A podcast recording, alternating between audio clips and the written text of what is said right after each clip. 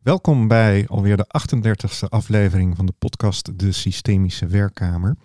En ehm, ja, vandaag zijn wij uitgekomen eigenlijk na onze lunch bij het onderwerp eerlijkheid.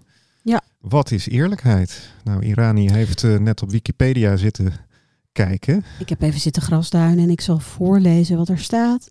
Eerlijkheid is persoonlijke integriteit of het ontbreken van bedrog, leugens of verdoezeling van feiten. Oneer- oneerlijkheid is daar het tegengestelde van. Hoewel eerlijkheid veelal positief wordt gewaardeerd, kan een overmaat aan eerlijkheid negatief worden opgevat.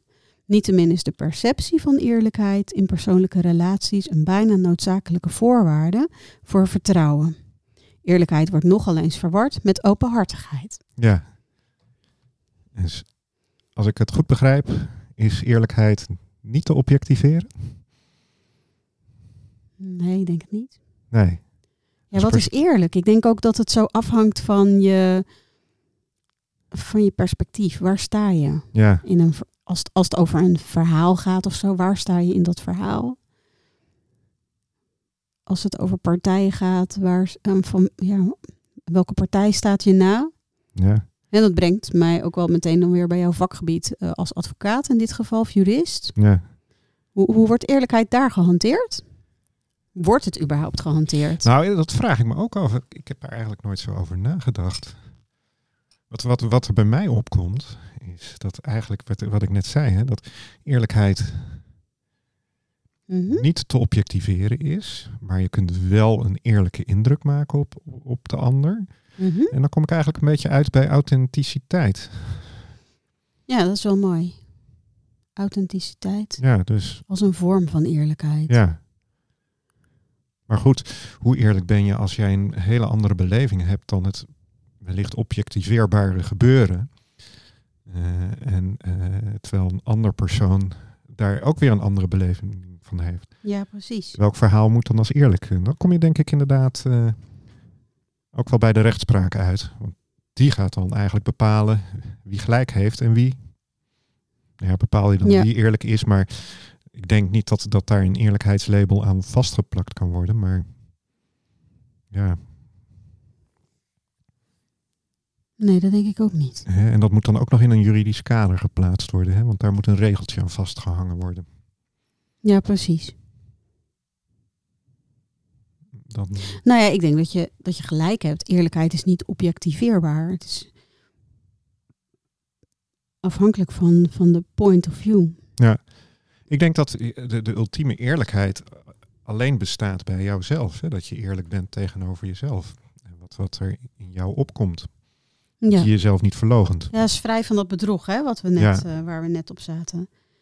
En, en die persoonlijke integriteit. En persoonlijke integriteit is dan eigenlijk weer een. Ik denk dat je kan spreken van persoonlijke integriteit op het moment dat je ook authentiek bent. Ja, Of je bent authentiek als je ook integer bent. Het is in ieder geval twee kanten op, Ja. denk ik. maar goed. Ik zit ineens ook te bedenken als ik kijk weer naar mijn vak als advocaat. Liegen, dus in, in als jij je eh, handelt of uitspreekt in strijd met objectiveerbare feiten, dus gebeurtenissen. Ja. Dus jij eh, hè, je hebt bijvoorbeeld een brief waar iets in staat, een bepaalde inhoud. Ja. En eh, je zegt dat dat er niet in staat. Of je maakt er iets heel anders van. Willens en wetens. Dan heb je natuurlijk ook dat je in strijd handelt met, eerlijke, met, met de eerlijkheid, denk ik dan. Ik, ik zou zeggen dat dat dan niet integer is. Ja. Maar wat nu? Als de inhoud van die brief in strijd is met je eigen persoonlijke authenticiteit. Nou, dan ben je in ieder geval incongruent. ja, maar welke eerlijkheid prevaleert dan? Dus natuurlijk Ja. ook, dat is dan weer een, een, een, nou, dat is op zich natuurlijk heel interessant. ja, En kan, kan eerlijkheid ook nog veranderen? Is, Eh, dat is ook een mooie. Jeetje, joh, een gave vraag. allemaal. Is, is eerlijkheid. Het hangt, hangt misschien ook wel van de omstandigheden af, van de persoon in kwestie en van de gebeurtenissen in de tijd. ja. Ik hoop dat mensen ons nog kunnen volgen. Ja. dat hoop ik ook. Ja, En ja, en wat bij, met eerlijkheid dan ook nog wel, wat ik me ook wel afvraag van, ja, moet eigenlijk alles wel eerlijk zijn? Is dat wel, is dat wel logisch? ja. Dan kom je uit Ehm, bij het leugentje om best wil. Bijvoorbeeld, maar, Mhm. maar ook, eh, zeg maar, als je kijkt naar de wat grotere vraagstukken, eh, bijvoorbeeld over hongersnood, Ja, hè, dat, dat, dat eh, ja, een eerlijke verdeling van voedsel op aarde bijvoorbeeld, dat is natuurlijk wel iets wat je zou willen, ja. maar ja, en wat je misschien ook wel na wilt streven, maar is dat iets waar heel veel andere mensen dan ook weer ehm, slachtoffer van kunnen worden? Ja, ik, ik, ja, is die eerlijkheid, klopt die dan wel? Of, of ja, Maar heb je het dan over eerlijkheid of, Of over gelijkheid. gelijkheid? ja, ja, dan kom je daar weer in. Hè? Ja. Dat- ja. En hoe raken eerlijkheid en gelijkheid elkaar? Dan raken ze elkaar wel. Dat is de eerlijke verdeling. Ja, wat ik een eerlijke verdeling vind, is wellicht een. Een andere eerlijke- verdeling. ja, andere- wat is gelijk? Ja, dan kom je inderdaad. in- Interessante Dat, filosofische nee, maar dan, ja, als je kijkt naar, naar eh, rekenkundig eerlijkheid. zo- misschien ook maar weer een aspect wat erop komt. Ja, Dan heb je het inderdaad over gelijke delen. Ja. Wellicht, eh, Dat kun je ook als eerlijkheid zien. Dat is heel objectief, ook wel weer objectiveerbaar. ja, Maar een eerlijke verdeling. Maar wat nu als je gaat verdelen naar rato van de inspanning? ja, Dan is het natuurlijk alweer een hele andere. eh, ja. Dat is eigenlijk ook wel interessant. ja, Ja, want wat is er dan eerlijk? De gelijk, gelijke verdeling of naar rato van inspanning? En dat Ja. is per definitie een ander antwoord. Of Ja, tenminste, en, hoe- en hoe, niet per definitie. hoe definieer je Ja. dan inspanning? En wat voor grootheid hang je daar dan aan? Ja. aan? Ja, god, misschien toch wel een leuk vak dat advocaat. dan kun je hier op allerlei dingen schieten en, en eh, een je soort advocaat van de duivel spelen, letterlijk en Ja, ja. Ja. En systemisch gezien, hoe kunnen we systemisch naar eerlijkheid kijken? Nou, Kunnen we dat wel? dan komt er bij mij op natuurlijk, als je kijkt, eerlijkheid en geweten. Hè? Heb je een eerlijk geweten? Ja. Wat Hellinger natuurlijk eh, omschreef ten opzichte van eh, nou ja, de opkomst van Nazi-Duitsland en de handelingen daarbij. Ja. En, en wat, wat ook filosoof als Hannah Arendt eh, naar kijken, hè, van het groepsgeweten. Precies. Ja, als jij heel eerlijk bent aan het groepsgeweten, ben je misschien wel heel oneerlijk richting het individuele geweten. Dat kan. Ja. Ja, dus die vormen van eerlijkheid. Dus De, de verschillende vormen van geweten. Ja.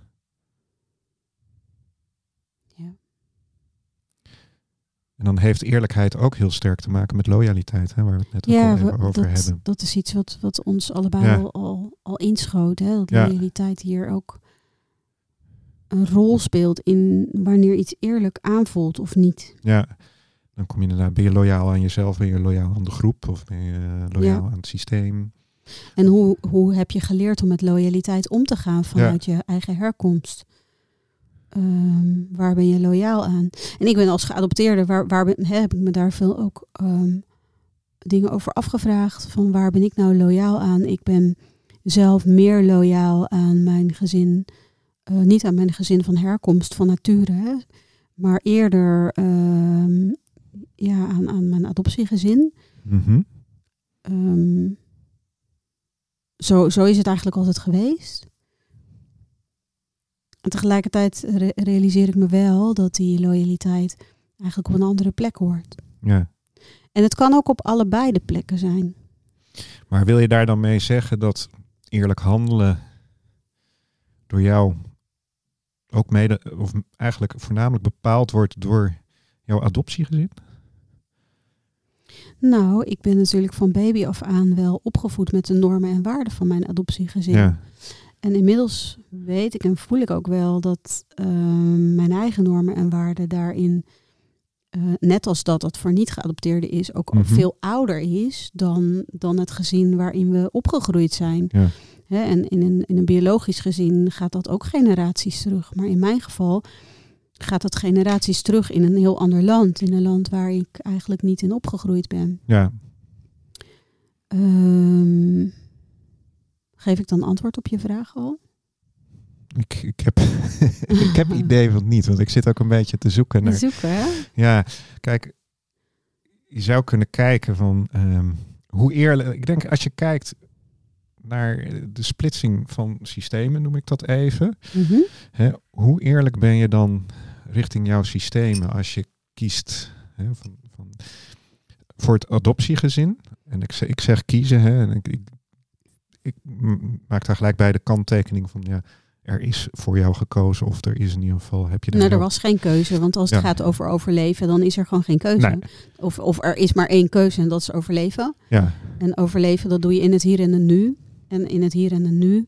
En het nu zit zeg maar een, een nou ja, dat is het gezin waar je op dat moment in, In- in, ja. grootgebracht dus wordt. dan pas je je aan. Ja, en bewustzijnstechnisch ehm, is dat een proces wat, wat in, met, de, met de jaren eigenlijk pas, pas ehm, wat gaandeweg zeg maar, zich ontwikkelt. Of niet, in sommige gevallen.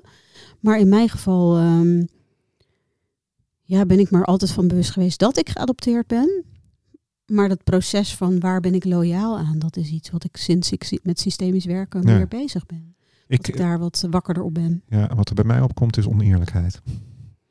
Dat, dat is denk ik ook waar. Ik Ja. denk dat, dat heel veel geadopteerden in eh, met ja, dan kom je ook weer op waarheid, denk ik. Ehm, een heleboel geadopteerden die krijgen niet de waarheid mee waarin ze geboren zijn. Ja. Of waarachtigheid, dat, dat woord komt ook even in me op.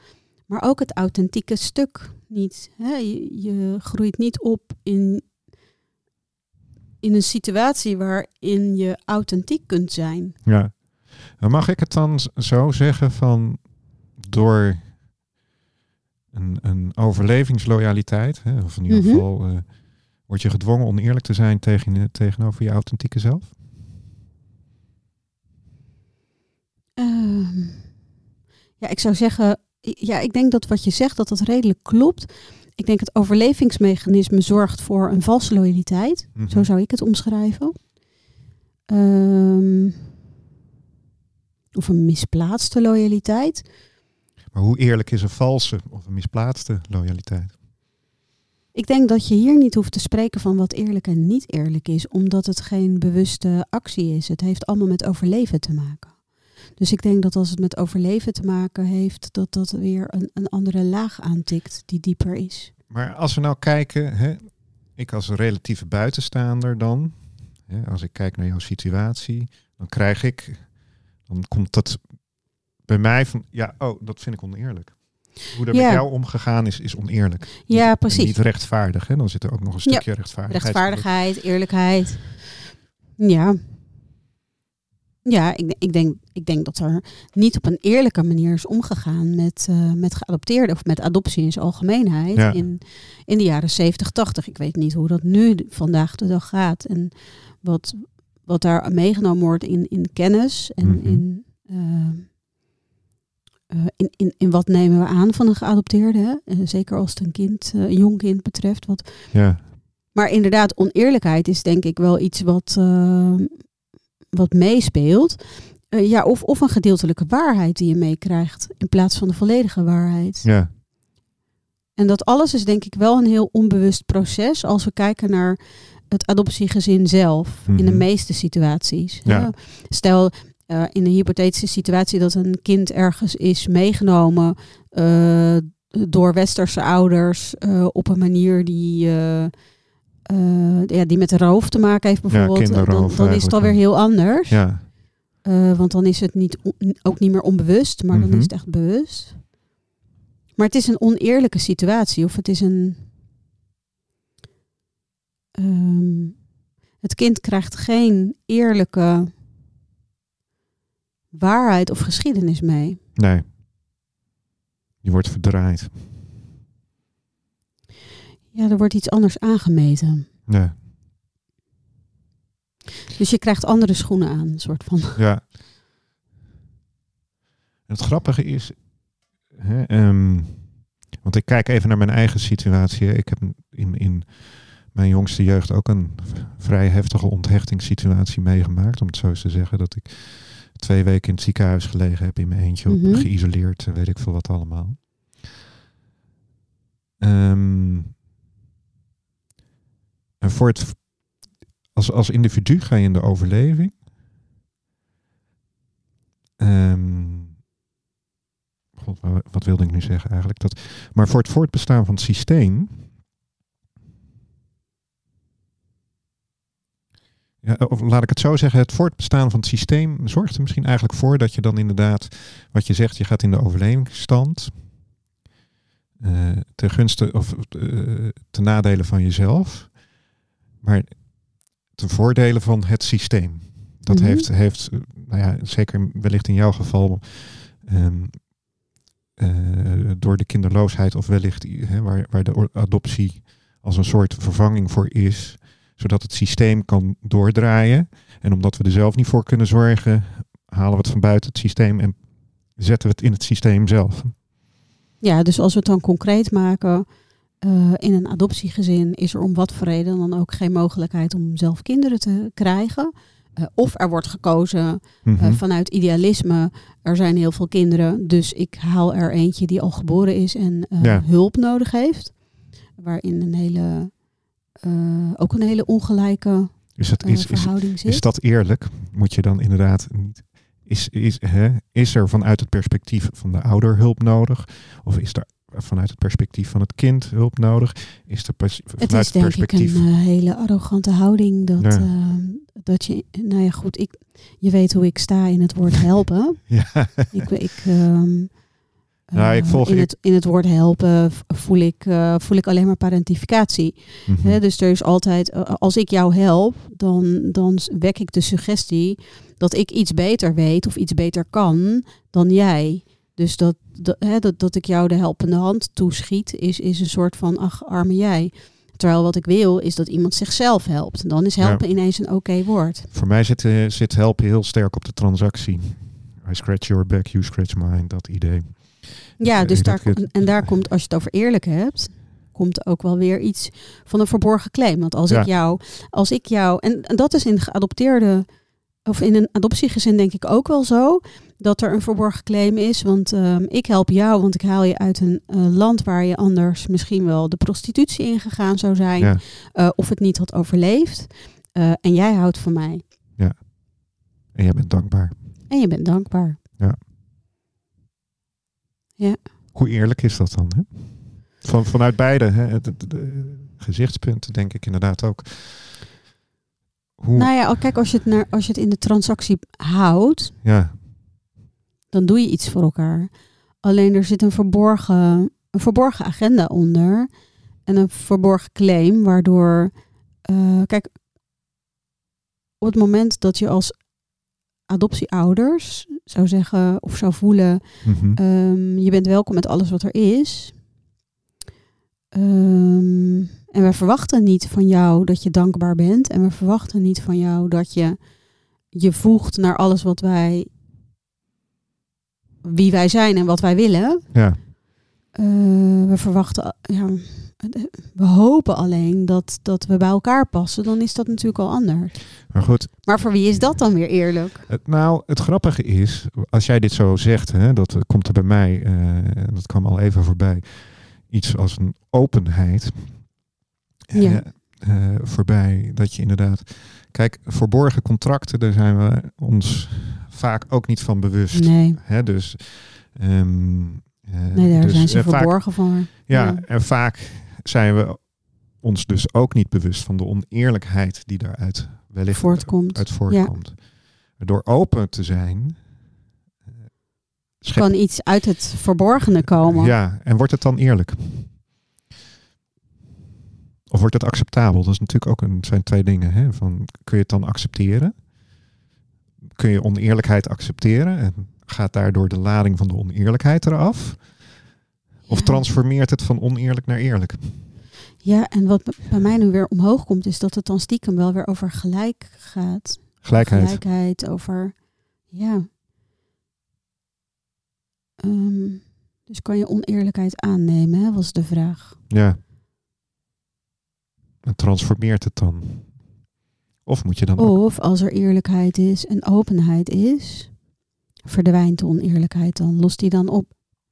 Nou ja, ik denk dat... En is er dan een situatie waar je beide eh, een mogelijkheid hebt om die situatie aan te nemen en aan te kijken? En vanuit welk standpunt kijk je het? Kijk je het vanuit het systeem of vanuit het individu? Vanuit ja, het want die systeem. verschillende standpunten die blijven daar natuurlijk Ja. ook. Het kan van, natuurlijk, ondanks de openheid, kan het voor eh, het individu natuurlijk heel eh, oneerlijk en wellicht ook onrechtvaardig daarmee. Hè? Want dat zit natuurlijk, terwijl het voor het systeem heel rechtvaardig is. Ja.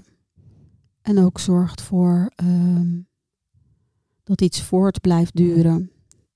Dus voor een stukje stabiliteit, voor, Ja. ja.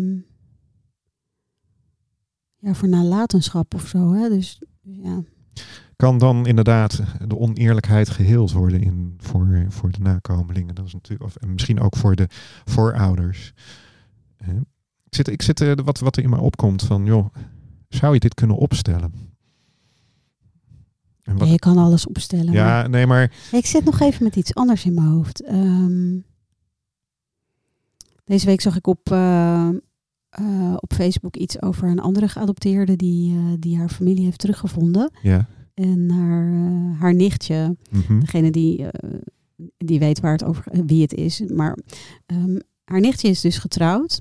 En, en zij is dus nu als geadopteerde herenigd met haar familie al een aantal jaar. heeft zij zeg maar die hele prachtige ceremonie uit Bangladesh meegemaakt. En, ehm, Ja.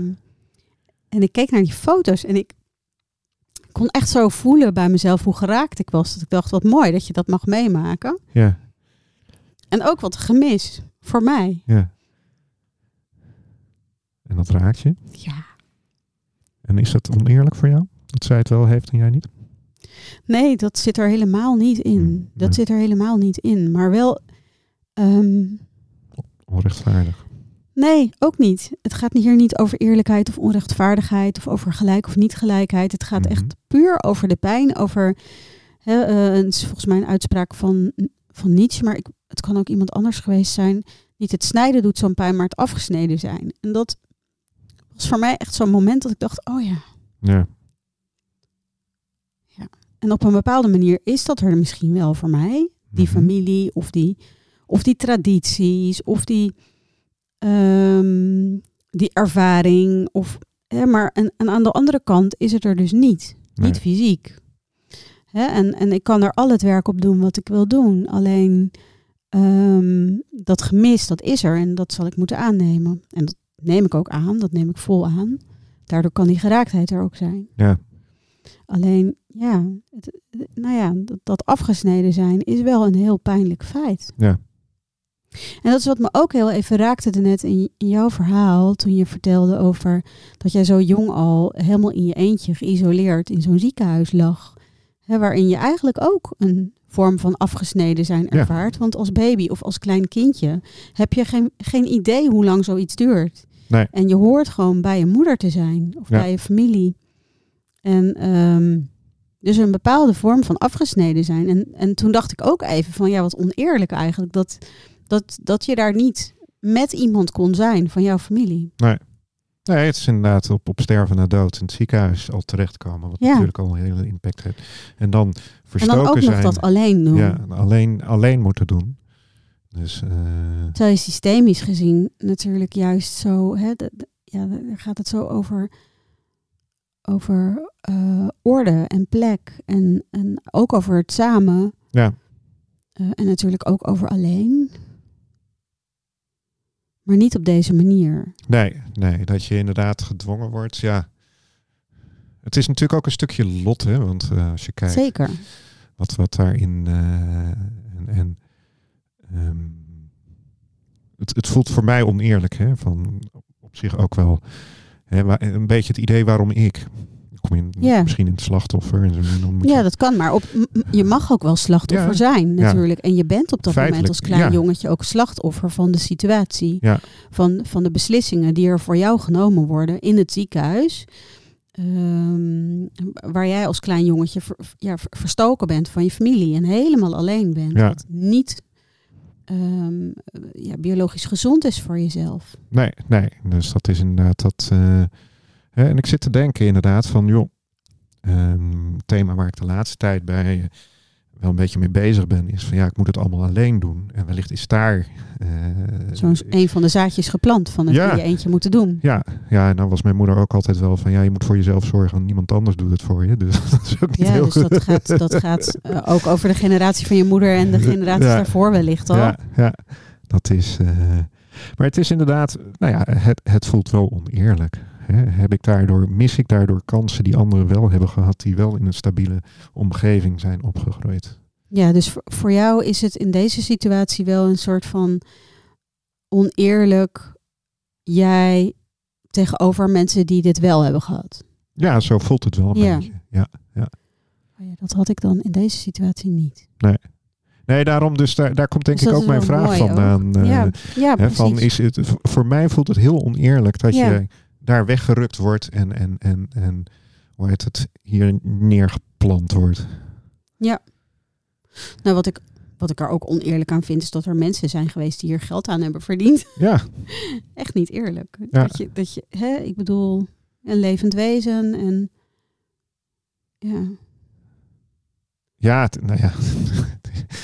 Eigenlijk ook van de Ja, zotte. weet je, en, en dit brengt me eigenlijk dan ook, hè, ik zeg dan een levend wezen en daar, daar, daar denk ik dan ook gelijk aan, aan een boek wat ik deze week heb gelezen. En dat is eh, De Heilige Natuur, Ja, waarin ehm, eh, gesproken is met een aantal niet-westerse leiders ja, over het dierenwelzijn. En hoe ga je om met dieren? ja, En over hoe bepalend dat eigenlijk ook is, hoe je, over hoe je met mensen omgaat. ja, Over eerlijkheid gesproken, hè? Hoe, hoe, hoe handel je met dieren? En ook over hoe bizar het is dat we alles doen voor onze huisdieren, ja. tot aan operaties van tienduizenden euro's, maar dat we een half uur later ehm, een ander dier op onze bord hebben liggen. Ja, die in, on, in nou ja, Die zo op onmenselijke een omstandigheden. manier is grootgebracht. Ja. Of niet eens is grootgebracht. En ja, nou ja, ik, ik, ik ben vijf jaar veganist geweest en bijna twintig jaar eh, vegetariër. En ehm, sinds een aantal jaar eh, eet ik weer alles. En, eh, en ik heb inmiddels een hond die toch echt wel ehm, veel vlees nodig heeft om Ja. gezond te zijn. Dat ik echt denk, ja, en, en bij het lezen van het boek, ik heb zo gehuild in het boek over, over de, ehm, hoe we los zijn geraakt van de natuur en hoe dat door de jaren heen zo ontstaan is. En over dat dat ergens ook dus oneerlijk is. Ja, Dus dat het ergens ook zo niet klopt dat er besluiten voor ons genomen werden. Of dat er besluiten genomen zijn voordat wij überhaupt nog maar het daglicht gezien hebben. En, Ja. en dat wij nu daar de gevolgen van ondervinden. En nog pijnlijker, dat ik nu besluiten neem waarvan ik niet weet hoe dat over zes, zeven generaties gaat zijn. Dat ik denk, ja, ja, dat ik weer een pakje bij bol.com bestel. ehm, met spullen erin. Die ik denk nodig te hebben. en die over tien generaties nog steeds uit de aarde gevist worden. Ja, als ze überhaupt nog bestaan. Maar veel meer in Ja. de zin van wat doet het nou eigenlijk met ons dagelijks leven? Dat we dingen op onze manier zo doen. En ja, Zet, ik, wat er bij mij opkomt nu, en vanuit eh, wat jij zegt over dieren, want het, grappige is, het is ook een thema op dit moment voor mij, merk ik. Ehm, er zit een stukje parentificatie in, ook richting onze eh, dieren, hè, huisdieren. Wij weten wat goed voor je is. En is, is bewustzijn. Komt is dat zo dat er parentificatie op is? Of is het eerder projectie? Bedoel jij de projectie? Want ik denk, wij Projectie weten... in de zin van ehm, Ja, dat ik de... ja, de, het vermenselijken van dieren, zeg maar. ik, ik, ik, ik, Ik denk dat het er allebei misschien wel is hoor. Maar Ja, als ik kijk, denk ik toch, ehm, hè, want eh, wat ik een, een, een leuk onderwerp vind ook, en dat zou best nog eens een podcast kunnen worden misschien, eh, is het bewustzijn bij dieren. Ik, toevallig zat ik Wintergast te kijken, en er was een Engelse eh, journalist, Mondio, ik ben even zijn naam kwijt. Maar die vertelde over een voorval. Dat een filmpje is viral gegaan over kajakkers die bijna onder, onder een walvis terechtkomen. Mhm. Ja. En ze, dat filmpje is wetenschappelijk geanalyseerd. En wat is gebleken? Die, waarschijnlijk is die walvis zich tijdens zijn sprong bewust geworden van het feit dat er twee kajakkers waren. En die heeft dus in zijn sprong zijn richting gewijzigd om ervoor te zorgen. En het blijft natuurlijk raden. Maar hoe heet het? eh, uit de analyse van de richting van de ogen van die walvis bleek dat hij die continu op die kajakkers had gericht en dat hij dus inderdaad een andere richting opdook, zodat hij ze net miste. Dus hij deed nog wat kon om, om te ja, voorkomen dus dat hij hij had erboven... ze vermoedelijk Ja. bij aanvang van zijn sprong niet gezien en Nee. daarna wel. En in zijn sprong werd hij er bewust van en heeft hij dus gehandeld. En wat is dan bewustzijn? Ja. Dat Nou ja, hij is zich in ieder geval bewust van, van wat er in zijn omgeving gebeurt. Ja, maar dat Ja. dieren observeren, dat weten we al lang. Ja. Maar ook daarna handelen. Ik vind ook wel... Ja. Ja, maar dat Hey. denk ik wel. Ik bedoel, kijk naar de gemiddelde kat. Nou die ja, loopt op straat en die ziet een auto en die denkt, hm, daar moet ik niet wezen. nee. Het Dat is eigenlijk hetzelfde. En, en intelligentie bij dieren. Wij, wij hebben. Ik, ik moet. eh, het, eh, ja, wat het met eerlijkheid te maken heeft. Nou, dat maakt niet uit. Onze podcasts gaan altijd alle kanten op. Dus. Daarom. maar wij hebben vetbolletjes opgehangen. En met de vorst van de afgelopen week. ehm, eh, en wij dachten van ja, we hebben heel veel kraaien in de buurt. En binnen drie minuten is zo'n vetbolletje weg als we een aantal kraaien op loslaten. Dus Ja. wij hangen dat zo op dat. eh, we hebben dat aan een redelijk lang touw gehangen. Om ervoor te zorgen dat de kleine vogeltjes daar zo makkelijk op konden landen. En vervolgens. eh, maar wat doet die kraai? Die hijst gewoon die vetbol op naar de tak. En die eet. Die eten we alsnog op. Dus die heeft dat. Dat is ook niet eerlijk, of wel? Is Ja. dat eerlijk? Oh, nou ja, dat is natuurlijk ook een mooie vraag. Eerlijkheid vanuit het dierlijk bewustzijn. Die kraai heeft ook honger. Zijn wij dan eerlijk als, of oneerlijk? Of sturen wij? het is niet wij eerlijk sturen? dat wij alleen maar die kleine vogeltjes willen, Ja. willen ondersteunen met voeding. Ik zeg Ja. bewust geen helpen. Ja, hadden die kleine vogeltjes dan maar niet moeten zorgen dat ze groter waren. Om te overleven. Ja, dat had denk ik. nee, Ja, weet je, dat is. De, ons bestaan is niet maakbaar, dat is duidelijk. Ja. En dat geldt denk ik voor dieren hetzelfde als voor mensen. Het leven is niet eerlijk. Het leven is niet maakbaar. Ja, En daarmee misschien ook niet eerlijker te maken dan het is. nee. En eh, als we dit zo zeggen, dan komt er in mij op. Eerlijkheid is een oordeel en een construct van de mens. Ja, dat denk ik ook. Het is een oordeel. Ja, Ja. Want wat wij eerlijk vinden, hoe relevant is dat voor het grote geheel? ja.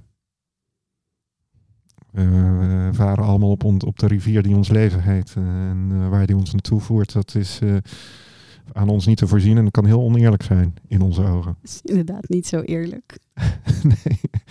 Nou, ofwel. Ja, misschien moeten we ons daar gewoon niet zo mee bezighouden. Ja. Ja, ik, ik blijf bij zeg maar die maakbaarheid. Dat we echt nog in de illusie van maakbaarheid eh, leven. ja. Mm. Het leven is niet maakbaar. Nee, want het, Het is wel mogelijk om, om bepaalde bochten te nemen. ja. Ehm, en, en ook daarvan is het weer heel interessant om je af te vragen of jij, het of jij degene bent die die bochten dan neemt. Ja. En of jij ook bepaalt op dat moment of je die bochten neemt of dat er iets anders is. Ja. Wat, wat dat stuurt en wat ons dat bewustzijn geeft of wat ons die mogelijkheid tot verandering geeft of tot wending. Of, ja. Ja. Het is wel grappig. Ik heb vrij recent op Netflix eh, de documentaire Arnold over Arnold Schwarzenegger gekeken. En ehm, nou ja, dan hebben we het over een van de succesvolste mensen van de afgelopen decennia. 40 jaar denk ik dat je kunt zeggen.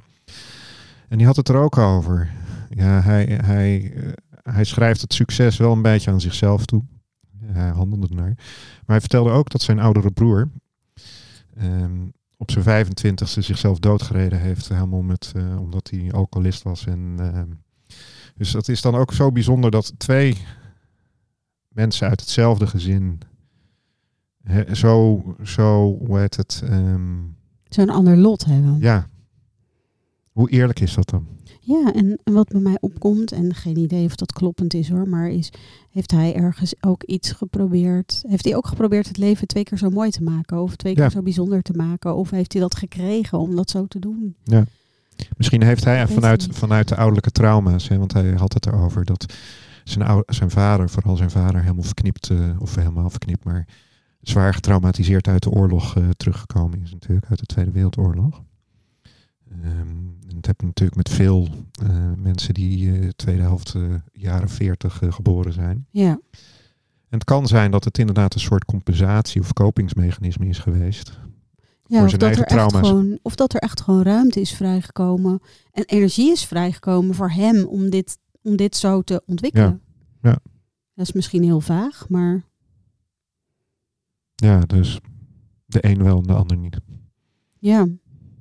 En dat bij elkaar maakt weer een soort van gemiddeld iets. Ja. Waarin je weer een eerlijke verdeling hebt. En Zoek- zoeken wij mensen op de een of andere manier altijd iets eerlijks? Eh, Ja. ik, ik in dit geval nu wel, denk ik. Ja, Ja, ben ben je op zoek naar de eerlijkheid in dit, in dit geheel? Of in dit in de, eh, in de individuele geval van Arnold? Want hoe eerlijk is het dat hij eh, al eh, eh, in zijn twintig, toen hij twintig was, met vastgoed pakken met geld verdiende? Want dat deed hij dan ook. ja. En je zou op een bepaalde manier kunnen zeggen dat hij ongelooflijk getalenteerd was en veelzijdig. Ja. Of is. Nou, ik moet eerlijk zeggen, weet je, als je kijkt ehm, wat hij allemaal gedaan heeft. Weet je, hij werd natuurlijk een beetje weggezet als, als een, een, een opgepompte eh, leeghoofd. Maar hij heeft echt heel veel gedaan in zijn leven. En Was hij nou ook danser of was dat Jean-Claude Van Damme? Dat was Jean-Claude. Ja, nee, maar hij is, hij is ook gouverneur van, van eh, Californië geweest. Hè, en heeft daar echt wel. Ja. dingen Hij gedaan. heeft gewoon een hele indrukwekkende loopbaan. Ja, Als we het hebben over loopbaan. Levens en loopbaan. Levensloopbaan. Ik hou van dat woord. En hoe eerlijk is het dan als de een wel getalenteerd is en de ander niet? Ja. Of de mogelijkheden krijgt in zijn leven en de ander Ja. niet. Dan kom je weer aan, is het... eh, Iemand wordt geboren in een, in een gezin waar, ehm, waar geen geld is. Waardoor ze Ja. niet naar school kunnen. Of eh, wordt geboren op een plek in de wereld waar geen scholen zijn.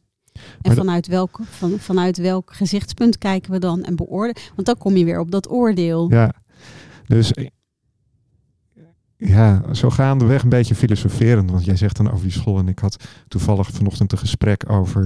en dan kwam in mijn praktijk ben ik ooit iemand tegengekomen. Een man die, eh, eh, toen ik hem tegenkwam, zat hij ver in de 50. En die was niet verder gekomen dan tweede klas of derde klas lagere school. Mhm. En hij was multimiljonair. Hij kon niet schrijven. Maar hij was wel zo, had wel talent om de mensen om zich heen te verzamelen. Die hem konden helpen in zijn visie. Ja, die hem konden ondersteunen. Ja. Ja. En ja, dus, dus eh, bij de uitvoering Ja. daarvan.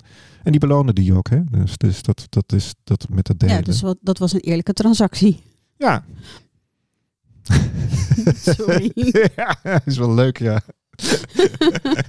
Maar we hebben dus eerlijkheid toch een, een, menselijk construct. eh, Ik denk het wel. ja. Ja. Dat, eh, Ons behoefte om te meten. Bij Ja. mij komt het heel erg vanuit het tekortdenken. ja, Ik weet, als ik een opleiding doe, eh, dan hou ik bijna per minuut bij hoeveel tijd iedereen krijgt. dan denk ik, ja, maar ik ben nog niet aan de beurt geweest. En dan gaan we oefeningen doen. En dan vind ik het niet eerlijk dan, dat andere mensen niet een beurt krijgen. En dan offer ik mijn eigen plek op. ja Maar hoe eerlijk is dat ten ik- opzichte van jezelf? Nou, hoe eerlijk het is het ten opzichte ook zelfs van de anderen? Want het Ja. is niet eerlijk. Het is helemaal niet eerlijk. En niet ten opzichte van mezelf. En niet ten opzichte van anderen. Want ik schuif gewoon mijn eigen behoefte opzij. Ja. Soms ook aangedreven door angst. Dat ik denk, oeh, dan hoef ik tenminste niet. Terwijl ik ergens het verlangen voel om wel ook eh, te kunnen oefenen, te mogen oefenen en dingen te mogen doen. Dus het is echt zo, ook weer zo'n raar iets. Dus dat, bij mij komt dat meten, die behoefte aan meten, aan een, aan een eerlijke verdeling, komt heel erg vanuit het gemis. Ja. En gelijkheid. Want als ik, wat dit bij mij weer triggert is als ik kijk naar het onderwijssysteem. Iedereen moet, wordt langs een let, lat gelegd. Ja. En als je daar niet bij hoort, ja, ja, als je vier jaar bent, dan moet je een bepaald programma afleggen. En dan Ja. moet je dit doen en je moet dat doen. En, ehm, en iedereen die gaat dat tegelijkertijd, ieder kind gaat dat tegelijkertijd doen. ja, En het wordt bijna niet geaccepteerd, of het wordt in ieder geval beoordeeld hoe goed je dat dan doet. ja. En ik denk dat dit gegroeid is vanuit een eerlijkheidsgedachte. Iedereen moet gelijke, eerlijke kansen hebben. wat je bent, hè, de, het wegwerken van het Interessant, tekort. ik weet het niet of dat zo is. Dat kan hoor. Ja, Ehm, ja, daarvoor moeten we dan de geschiedenis weer induiken. En hoe dit ontstaan is. Voor, voor, mij, voor mijn gevoel komt het heel erg vanuit het, het, de industriële revolutie, waarin eh, fabrieken kwamen, waarin dingen allemaal ook geoptimaliseerd moesten worden en, efficiënter moesten, daardoor gemeten werden. ja.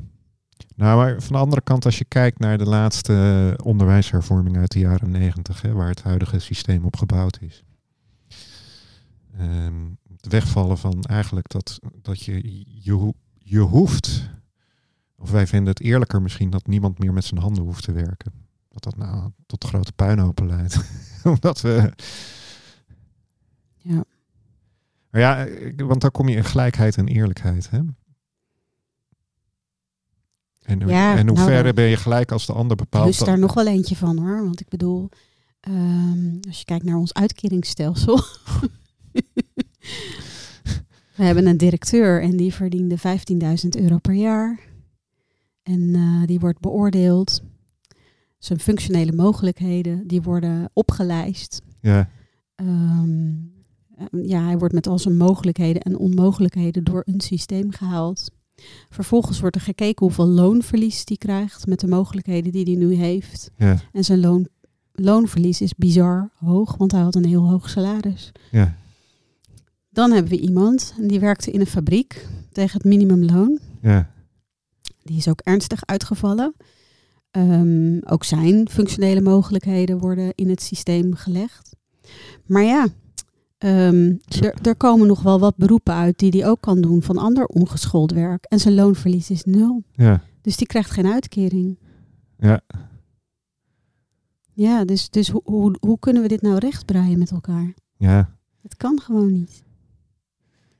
En tegelijkertijd is dit wat er al heel lang gebeurt.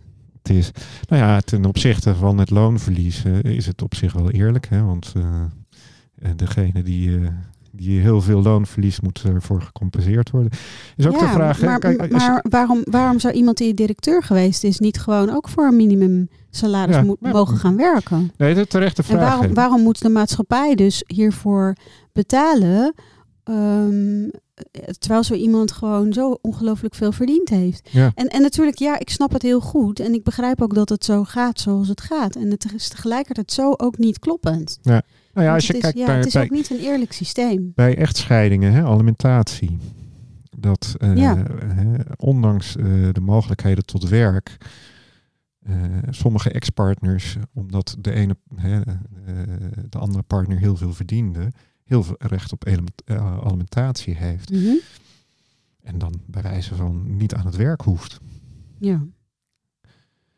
Draagkrachtbeginsel en eh, hoe heet het, eh, levensstandaard die daar dan in eh, die, die gelijk moet blijven. wordt. Ja. En dan denk ik van ja, in hoeverre moeten wij dus, want in hoeverre is het eerlijk dat je een ander laat opdragen voor jou, opdra- opdraven of, of Opdraaien. opdraaien, hè, hè. dat niet. dat je een ander laat opdraaien voor het feit dat je niet werkt. ja, of voor jouw lot. Ja.